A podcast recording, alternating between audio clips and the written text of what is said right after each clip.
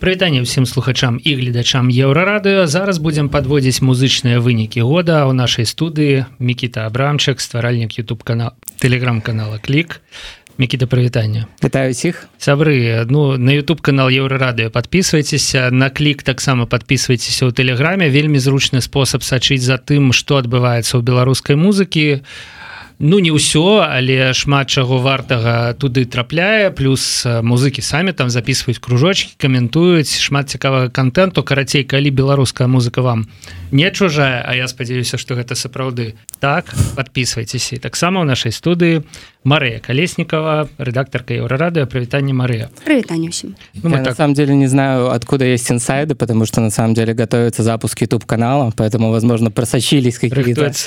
Запуск youtube канала ну не слухи распространяются.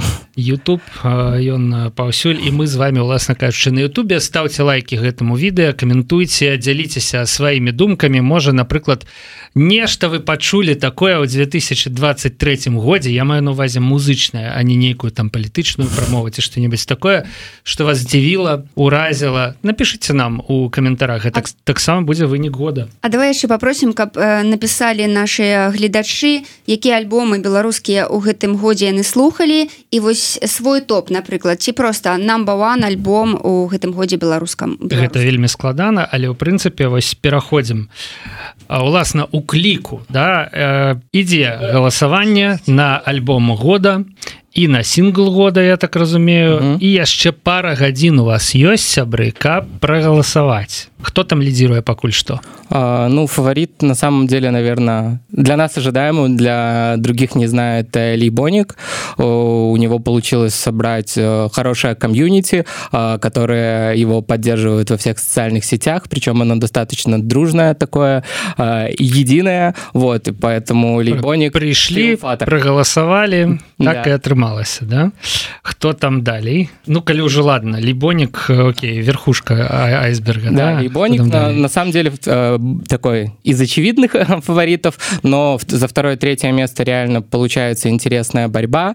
Э, в альбомах, в принципе, э, Полина со своим альбомом лидирует, и это, ну, на взгляд нашей редакции, меня, наверное, самый сильный альбом э, этого года, который в том числе, как он и конкурирует на внутреннем рынке, так, в принципе, выходит и за его пределы, можно поставить в любой части света, и сто процентов люди эту музыку оценят и оценивают собственно, своими служками на стриминговых сервисах, а также в фаворитах синглов, насколько я помню, так как результатов перед глазами нету, Анастасия Рыдлевская, это, в принципе, открытие этого года, и в целом тоже а, наша а, команда за ней следила активно с начала этого года, когда она начала выпускать песни, а, и классно, что она как раз пробует какие-то новые форматы, не боится использовать английский язык, белорусский язык, и в целом задает какое-то дает свежего воздуха в белорусскую культуру, в белорусскую музыку, потому что, конечно, чувствуется то, что наша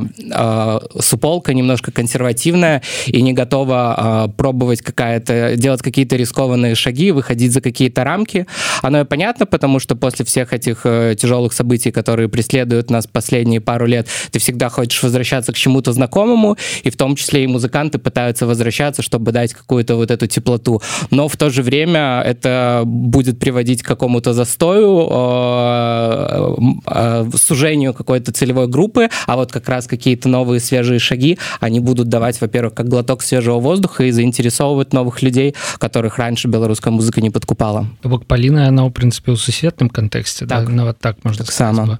Конечно, музыка, якую я слухаў у дзяцінстве у юнацтве ну і якой належыць маё сэрца когда гэтуль яна конечно не зусім у сусветным кантэксце скажем так. Хотя вот лявон вольскі набраў 10соткаў таксама у гэтым галасаванні Ну неяк мы абашлі Apple пікера які на другім так, месцы направду ён так наздля в наздрю с лейбонікам нагадаць что гэта Мікіта Орлоу да. так, вядома па гурце саюз і іншых шмат якіх гуртах. І насамрэч вось мяне менавіта здзіўляе что беларусы ну гледзячы па галасавалцы так вельмі любяць вось такое нейкае романтычнае рэтра і вось чым гэта звязана як ты лічыш на самом деле, да, у нас э, в команде еще есть э, аналитическая группа, мы занимаемся анализом белорусской музыки. Во-первых, у нас есть там уникальный список, и мы, в принципе, пытаемся собрать в одном месте. Пока что это Excel-таблица, где есть белорусские музыканты, неважно, на каком языке они работают, но они там, основной критерий, они там идентифицируют себя как мы белорусские исполнители. Это первый критерий. Ну и второй все-таки, которые более или менее активные последние пару лет, которые выпускают музыку, то есть у кого там одна-две песни, тоже покажет какой-то барьер, чтобы это было. И на сегодняшний момент где-то 150 э, групп там исполнителей и исполнительниц. А, вот. И тоже уже замечаем, э, полгода работаем над этой таблицей, и замечаем определенные тренды, то, что сейчас э, очень так выкристаллизовывается какая-то белорусская музыка актуальная на сегодняшний момент, и одно из этих вот направлений это постпанк, и это на самом деле в какой-то степени эстетически подходит то, что делает Apple Picker. Это то есть какая-то ретро, слегка советская экзотика, а, какие-то лампы, все такое очень ламповое. И я анализировал, и удивительно, это очень востребовано там на Западе, например, вот э, знакомая рассказывала, что она была в ресторане в Португалии, э, слушала музыку, э, какая-то знакомая музыка, спрашивает у хозяина заведения, что у португальца, что это за музыка, это, говорит, группа «Союз». И она ему рассказывает, то, что это там белорусская группа, и она играет там в Португалии. В Южной Америке, понятно, вот постпанк очень популярен, э, и я вот думал, почему, и, скорее всего, потому что для них них это что-то экзотическое, это то, что им не встречается, им это в диковинку, как там, не знаю, японские хорроры какие-нибудь аниме, то, что в нашей среде это очень экзотично, и это вот западает. То же самое в Южной Америке, вот как бы то, то, что наша вот музыка хорошо продается на экспорт. И поэтому вот на самом деле один из таких больших пластов, то, что мы можем, в чем мы можем быть уникальны, то, что может быть интересно миру, это как раз вот такой вот синтез вот этой вот музыки, которая там делает группа Союз, Apple Picker, Молчат дома, прочее. Ну, это не единственное направление, которое у нас хорошо идет на экспорт сейчас. Я могу запытацца что адбываецца напрыклад з беларускім рокам так? Вось раней казалі что там беларускі рок гэта такая наша база А цяпер ну гледзячы напрыклад нават по гэтым спісе так альбомаў то гэта ўсё ўжо наше мінулае няма гэтай ностальгіі на самом деле не так. Мне кажется с беларускім роком вообще все прекрасно хорошо. Это наверное в принципе на мой взгляд единственный жанр у которого получилось задать преемственность в 90-х годах благодаря вот этой сильной сцене. Я рефлексировал так как в принципе выходит там из хип-хоп рэп культуры и в в рэпе не получилось передать вот эту преемственность, и в основном многие артисты, которые там сейчас появляются и 10 лет назад появлялись, они с большего вдохновлялись а, российскими исполнителями в первую очередь, да, и перенимали там их преемственность. Все-таки в белорусской рок-музыке получилось эту преемственность передать, поэтому в целом мы можем говорить, что появля... есть, в принципе, такой там жанр, сформированный со своими легендами, со своими какими-то слухами и прочим белорусский рок, потому что в этом плане все хорошо. И, в принципе, сейчас, наверное, если мы особенно про внутреннюю сцену говорим, белорусский рок это самые заметные. Но мы можем заметить, вот действительно, если смотреть на какие-то объективные показатели, цифры, которые можно, конечно, по-разному интерпретировать, то на экспорт все-таки заходит э, чуть более э, специфичная музыка и, и не всегда самых популярных жанров, а скорее наоборот. Белорусы умеют работать, э, вот как, например, фонк-исполнителей много выстрелило э, и имеют просто сумасшедшие цифры прослушиваний по миллионам. Э, это все-таки какие какие-то вот э, нишевые истории, которые очень хорошо выходят на экспорт, что на самом деле дает очень классную возможность создавать за счет вот этого внимания ресурсов, которые артисты получают, они могут выстраивать вокруг себя фундамент, в том числе, чтобы давать там возможность какой-то социальный лифт другим белорусским исполнителям, и в том числе, чтобы вот э, это что-то начинало суетиться вот внутри этого комьюнити белорусской музыки, белорусской индустрии, неважно, как это называть. Ну, мне здаецца что для кожнага э, жанра кожнага твора свой час вось напрыклад так. у 2020 рок добра так актуалізаваўся mm -hmm. і Э, пратэстоўцы хадзілі под рок песні но хотя і канешне ірдар uh -huh. мы можем згадаць як вось э, такі музычны рухавік ну але і торбенд мы можем згадаць які uh -huh. просто вось э, паўстаў да у 2020 але для меня вось вынік 23 гэта і про гэта пишуць дарэчы у каментарах это якраз таки тое что сф сфарміравалася вось гэтая эмігрантская песня Ну і тое что уласна Сергей башлыкевич лібонік выйграе пакуль что прынамсі да гэта такі яркі доказ. Можна так сказаць да что вось эмігранты яны не просто з'ехалі да а яны пачалі пісаць про эміграцыю про тое як ім тут вось лера яскевич э, я не вернуся mm -hmm. да юра стыльскі таксама нешта напісаў такое сумна хорошее да? вось напісаў ну, это нават уже вы mm -hmm. в конце года ну, да? так. вось есть такая плынь заўважу а, я на самом деле да долго рефлексировал э, что такое там беларуская сцена потому что опять же многие как бы люди особенно находящиеся в разных каких-то социальных кругах по-разному это воспринимают но я постара э, постарался посмотреть на это вот максимально на, на большом расстоянии. И как я вижу сейчас, там вот белорусская там сцена разделилась на три таких больших, ну, на две больших и одну очень маленькую. И действительно есть, я бы не называл иммигрантская, есть западная и восточная сцена. То есть, в принципе, те, которые понимают, что сейчас есть э, на Востоке, очевидно, в Москве, э, возможности заработать хорошо на музыке, потому что сейчас действительно вливаются миллионы рублей э, в продвижение музыки. Вот этот soft power, плюс из-за ухода западных компаний э, ВКонтакте, Яндекс, в принципе, и лейблы в том числе становятся монополистами в этой игре, и ты понимаешь, э, что иметь возможность выступить, э, сделать себе музыкальную карьеру на Востоке, это самое очевидно, потому что еще ты видишь много примеров таких достаточно успешных, и ты, и ты в принципе, вдохновляясь этими примерами, идешь там, выбираешь восточное направление.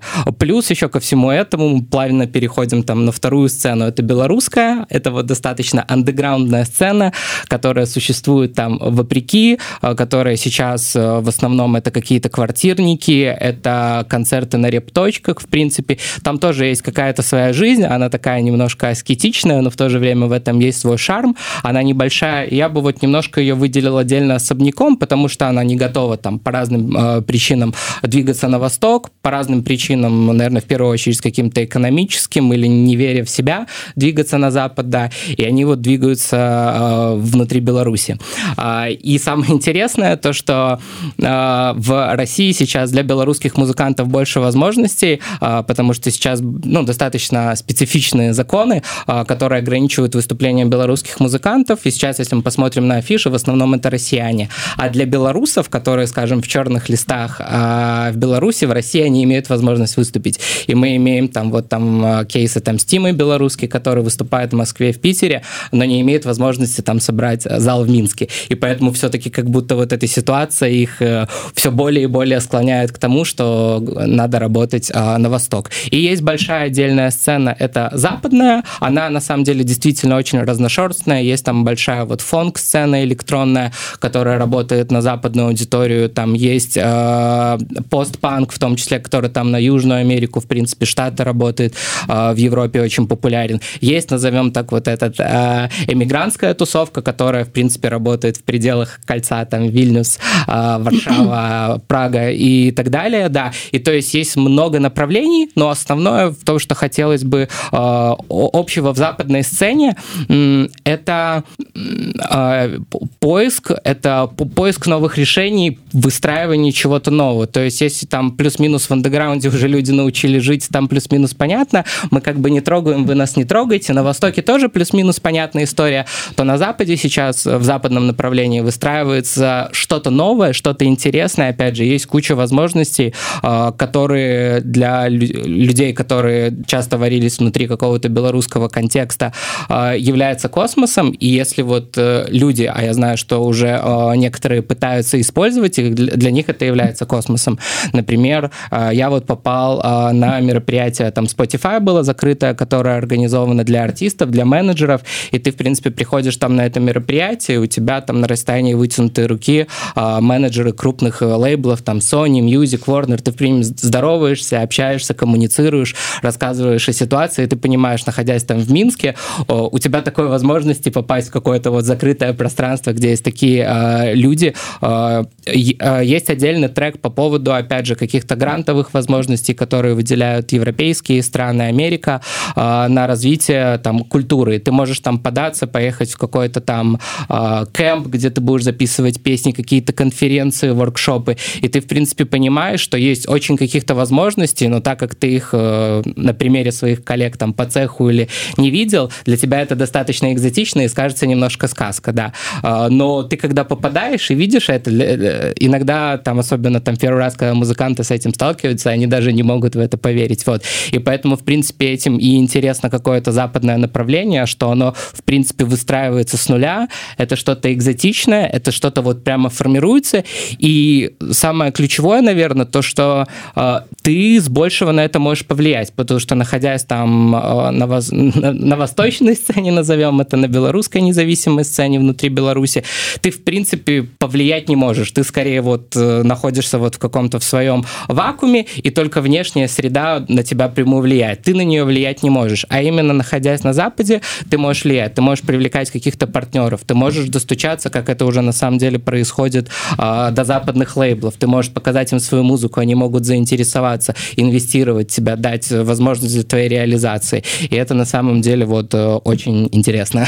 Ну, слухай, ну мы у эміграцыі тут толькі тры гады так ці можна казаць што ўжо за гэты час здарыліся нейкія такія ну важныя калабарацыі з нейкімі лейбламі так нейкая інтэграцыя беларускай музыкі у еўрапейскую там ці сусветную культуру адбываецца і вось можаш прывесці прыклады каб мы такія паслухалі ну натуральна там это молчат дома але яны і дагэтуль ўжо былі вядомымі на Заходе? А, на самом деле, мне кажется, вот сейчас происходит тот момент, когда это только зарождается, потому что, понятно, переезды, люди были заняты какими-то прямо э, э, жизненно необходимыми задачами, и, в принципе, даже вот по музыке, которая выходит, мы, в принципе, уже занимаемся второй год достаточно а, активно и изучаем эту историю, что музыканты начали активнее в этом году выпускать музыку и, в принципе, поднимать голову, смотреть по сторонам. Уже люди получили какие-то первые ВНЖ, поснимали квартиры, чуть-чуть решили хотя базовые вопросы с работами.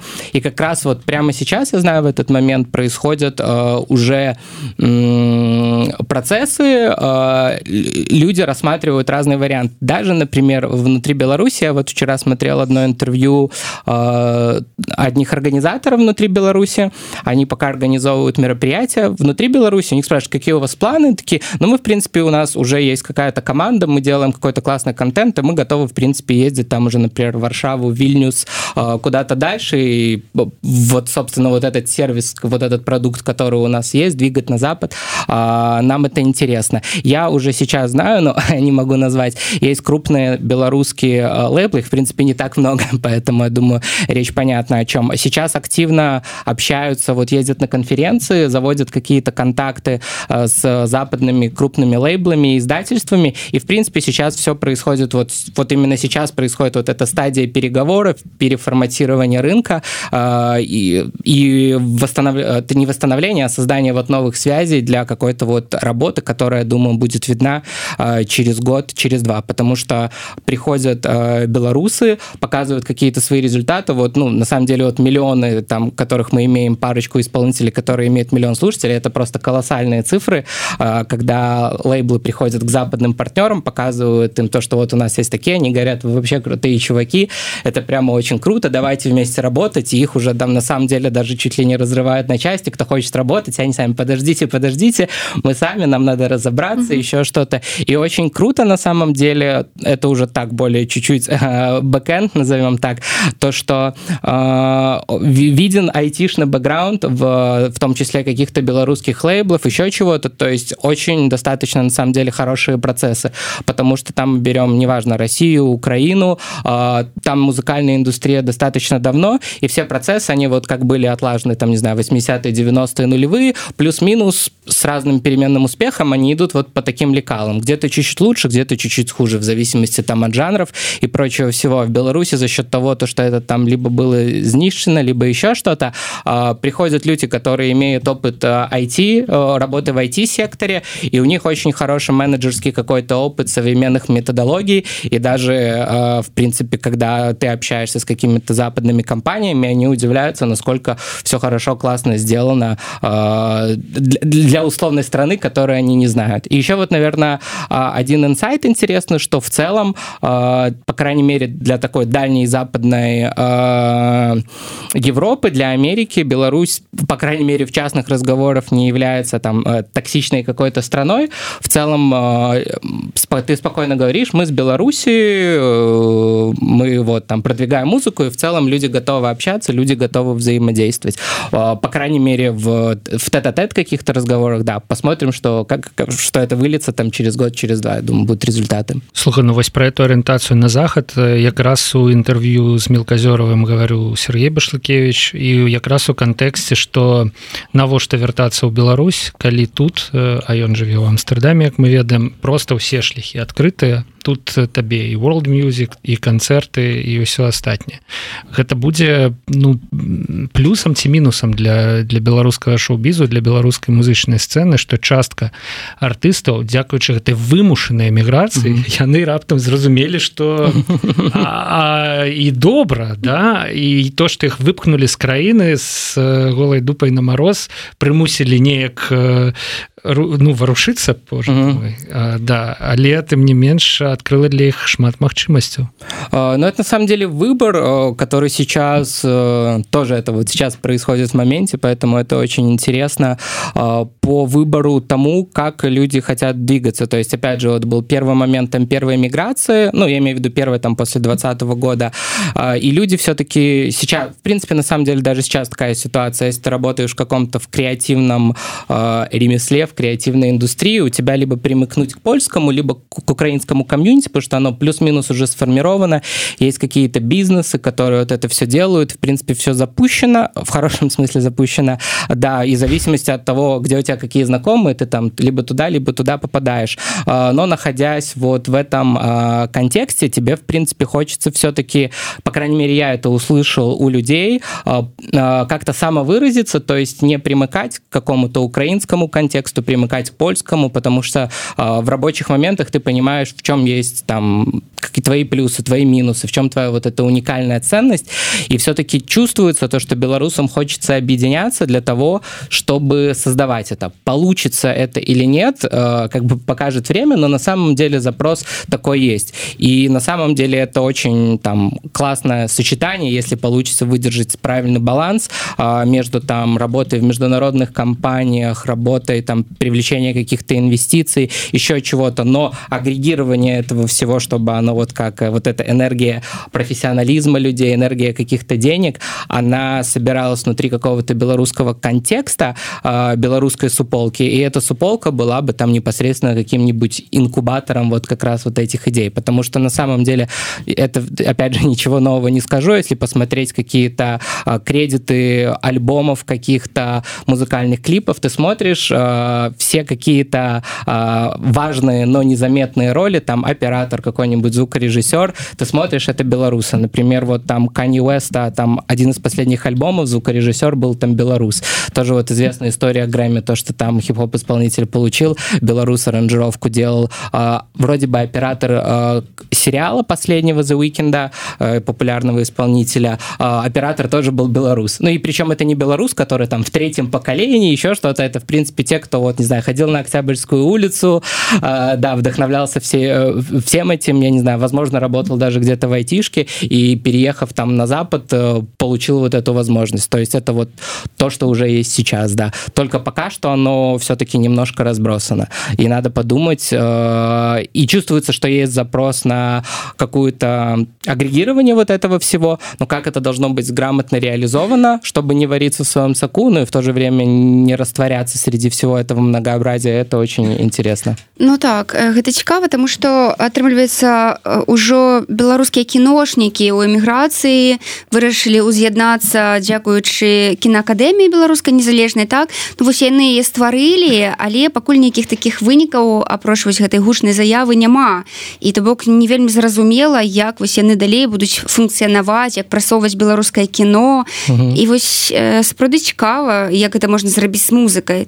Падаецца што музыкі ўсе ж індывідуалісты прафсаюз музыкаў ну. які заснавалі заснаваць ці музычную акадэмію да каб усім скопу mm -hmm. Ну мне здаецца что ў музыцы гэта называется лейбл разные издательства беларускі да, лейгатор на самом деле да я думал потому что действительно у нас там есть уникальная э, ситуация и опять же которая может пойти нам и в плюс что относительно небольшой относительно небольшой внутренний рынок и все-таки мы имеем возможность больше смотреть на запад и прочее мне кажется что надо я тоже ищу вот этот какой-то формат думаю э, по выстраиванию какой-то бизнес-модели чтобы э, можно чтобы бизнес-модель включала в себя экспорт. То есть все-таки культура это обычно то что идет на импорт но надо попробовать выстроить историю так э, чтобы это выходило на экспорт. И изначально это могут быть например какие-то сервисы. То есть опять же музыкант это там я не знаю это даже не вершина айсберга это там не знаю маленький маленький кусочек вот этой вершины айсберга. Менеджер это всегда ой артист это всегда менеджеры пиарщики копирайтеры операторы креативщики креаторы и прочее. То есть это и в принципе то есть э, собирая какую-то вот экспертизу опять же экспериментируя внутри белорусского сообщества лучшие экспертизы которые будут генерироваться их можно гени- э, отправлять на экспорт. И например с ним ну опять же будут собираются белорусы снимают какой-то классный клип э, и потом это как-то вирусится во всем мире в тиктоке еще где-то и приходят крупные артисты говорят вот нам пожалуйста такой же эффектик. Вот я хочу клип не знаю там вышиванки или э, в чем-нибудь еще и то есть вот как раз таки с помощью вот смеси вот этого сервисов э, из-за сервисов мы сможем зарабатывать какие-то деньги и вкладывать их в развитие культуры. А развитие культуры может давать толчок вот этих вот свежих каких-то идей которые снова можно будет продавать на экспорт. И вот мне кажется вот это вот какая-то синергия и она может э, привести к какому-то интересному результату. Потому что показывает как практика там о практике больших стран все-таки не совсем нам подходит. Мне здаецца что на словах про менеджеру пиарщика недзе синхронно всплакнули игорь выражкевич дмитрийшкевич олег хаменко там и все астатнія э, беларускія музыкі у якіх э, такой раскошы у прынцыпе асабліва ніколі не было. Хотел я запытаться А что адбываецца ну як бы на іншым фланге э, вот просто падчас нашага эфиру на рэдакцыйную пошту распавяду вам капнула ли, ліст прыйшоў да Тео і Ольга рыжыкова мама разрешила добрый день. Рады представить вашему вниманию новую композицию. Музыка таких-то. Надеемся песня понравится и будет звучать в эфире вашей радиостанции. Экстремистское формирование. Не ведаюць можа сдать тео? Дослал это может подмигивают они. как звучало может подмигивают. Ну карацей что с по-першае что там адбываецца внутри беларусі вось у гэтым афіцыйным лагеры да цівогуле мае сэнс за ім сачыць неяк да ну і вось асаблівая моя любоў гэта вот беларуская попса да что там з ёю если честно у нас это есть эксперты, которые отвечают за это, да, а, и имеют большую экспертизу. Я, в принципе, доверяю их экспертизе. Есть также шоу популярное «Обсуждаем» на Ютубе, а, где Ваня Прус и Глеб Семенов разбирают... Вытягивают самое, головное, да. Вытягивают самое интересное, и на самом деле только смотря это шоу, в принципе, можно понимать то, что происходит. А, на самом деле, мне это не совсем интересно смотреть, потому что здесь нету того, чему можно вдохновляться. Максимум э, можно как бы кринжевать, кекать, лолать и прочая вся история. Вот. Поэтому на самом деле в ту сторону не смотрим. Конечно, да, мы тут как бы много вдохновляющих речей говорим, но оставляем как бы важную историю, просто которую все и так знают в тяжелых условиях, в которых находятся сейчас там и законы, и все-все-все. Но в целом там нету индустрии, там просто люди как бы понимают, какая ситуация, как взять деньги здесь и сейчас, они этим пользуются, и все. На самом деле, иногда даже выходит, э, это не то, что откликается у меня, но в целом какая-то вот простота, какая-то э, то, то, что я вот не помню, э, термин есть, который там песня там для хита, и в принципе есть такой как бы секрет хита, это то, то что должна там подпевать, там это просто с Америки пришло, домохозяйка, которая там работает условно там на кухне, и условно песня должна быть достаточно такая простая, интонационная, то есть чтобы припев, он достаточно легко пелся, человек, который не обладает какими-то музыкальными. И, в принципе, у них вот это получается, есть, я даже не знаю название исполнителей, которые которые иногда в ТикТоках что-то вирусится, какие-то самые простые песни.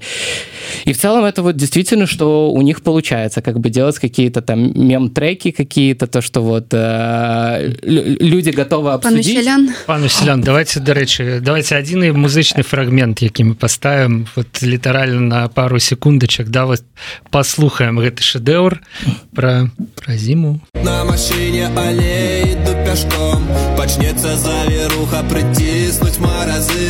Я буду греться там, где будешь греться ты.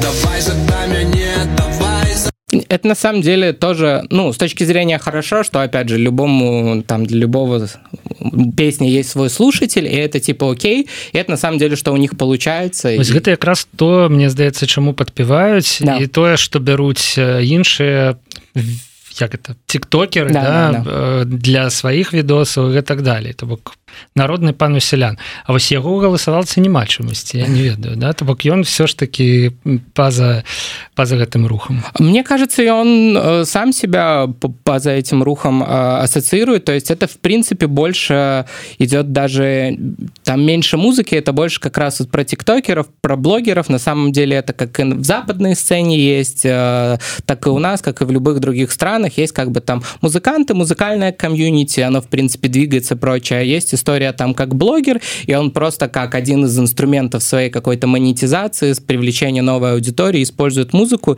и его как раз вот именно вот это сделать что-то такое, чтобы обсуждали, плюс за счет того, что в принципе, так как он блогер, он умеет с этим работать, и аудитория более предрасположена к нему, блогеры хорошо умеют работать с комьюнити, вот. То есть это в принципе это it's okay, просто это всегда идет такой немножко э, параллельный трек. Иногда эти, конечно, вселенные пересекаются, но в большинстве своем они идут параллельно паралельным но мне здаецца вось мы увесь час думалі усе папярэднія 20 гадоў что калі з'явіцца такая музыка як пану сялян робіць тады нарэшта беларусы да пачнуць слухаць сваё вот і все такое.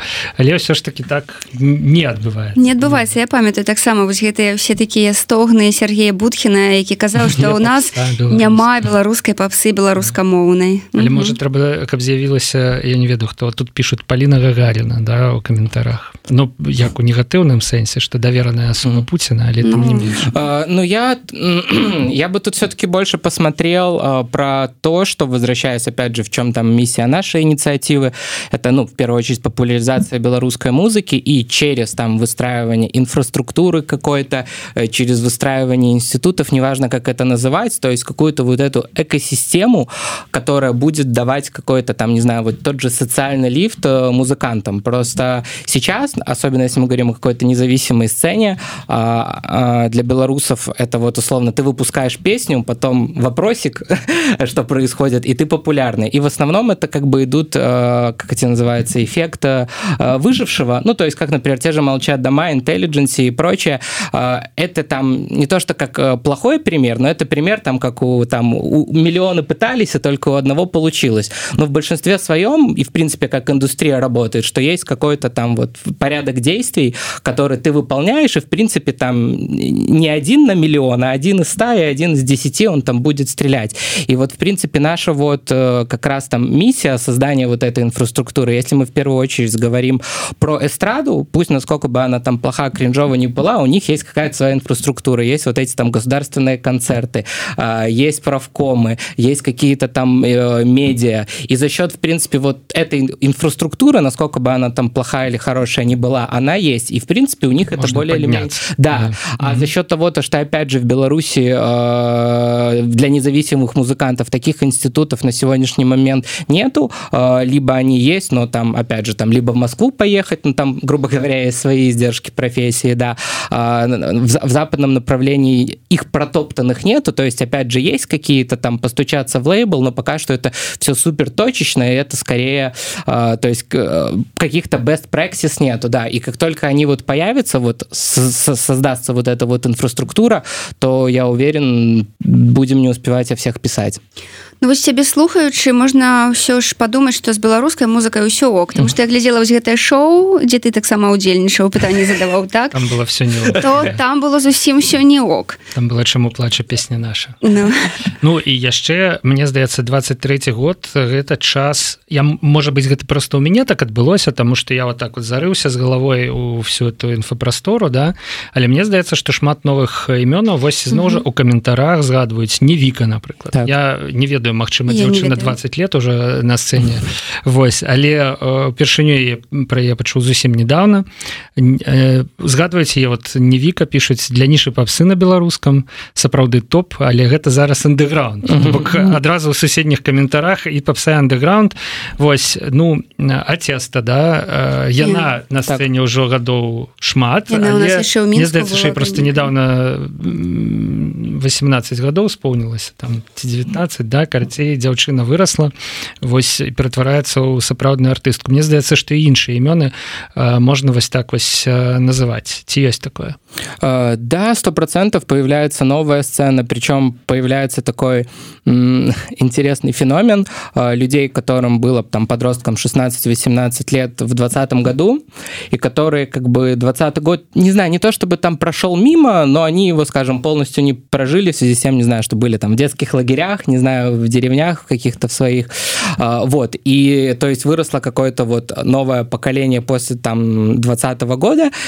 и уже эти музыканты, они собирают какие-то цифры, в принципе, выступают на площадках. Ну и на самом деле интересно за этим наблюдать. И тоже, с одной стороны, ты там слышишь, что в концлагере там не может быть музыки и прочее, но все равно, несмотря там на пропаганду, несмотря э, на вот это все, люди продолжают делать там классную музыку, транслировать. Да, бывает иногда, но это, в принципе, такая белорусская какая-то э, черта, не знаю, такого дурачка, не дурачка включает, но жить в Нарнии, грубо говоря, да, потому что тоже э, есть э, смотрел тоже какое-то интервью, читал, или кто-то рассказал, вот, да, я хочу там вот поездить, дать концерты в Москве, в Киеве, там в Питере, и это все как в одном контексте, то есть они вот живут вот в каком-то вот а, из-за вот этой информационной изоляции в таком немножко может, мы живем в искаженном, может, они живут в искаженном, тут непонятно, да. Все, Но... мне сдается, все по-своему. Все по-своему, да, видят этот мир. А, но сам факт, то, что, в принципе, они как бы продолжают двигаться, у них нету вот этого там а, а, рьяного там призыва к победе какой-то, еще чего-то, то есть, в принципе, все продолжается,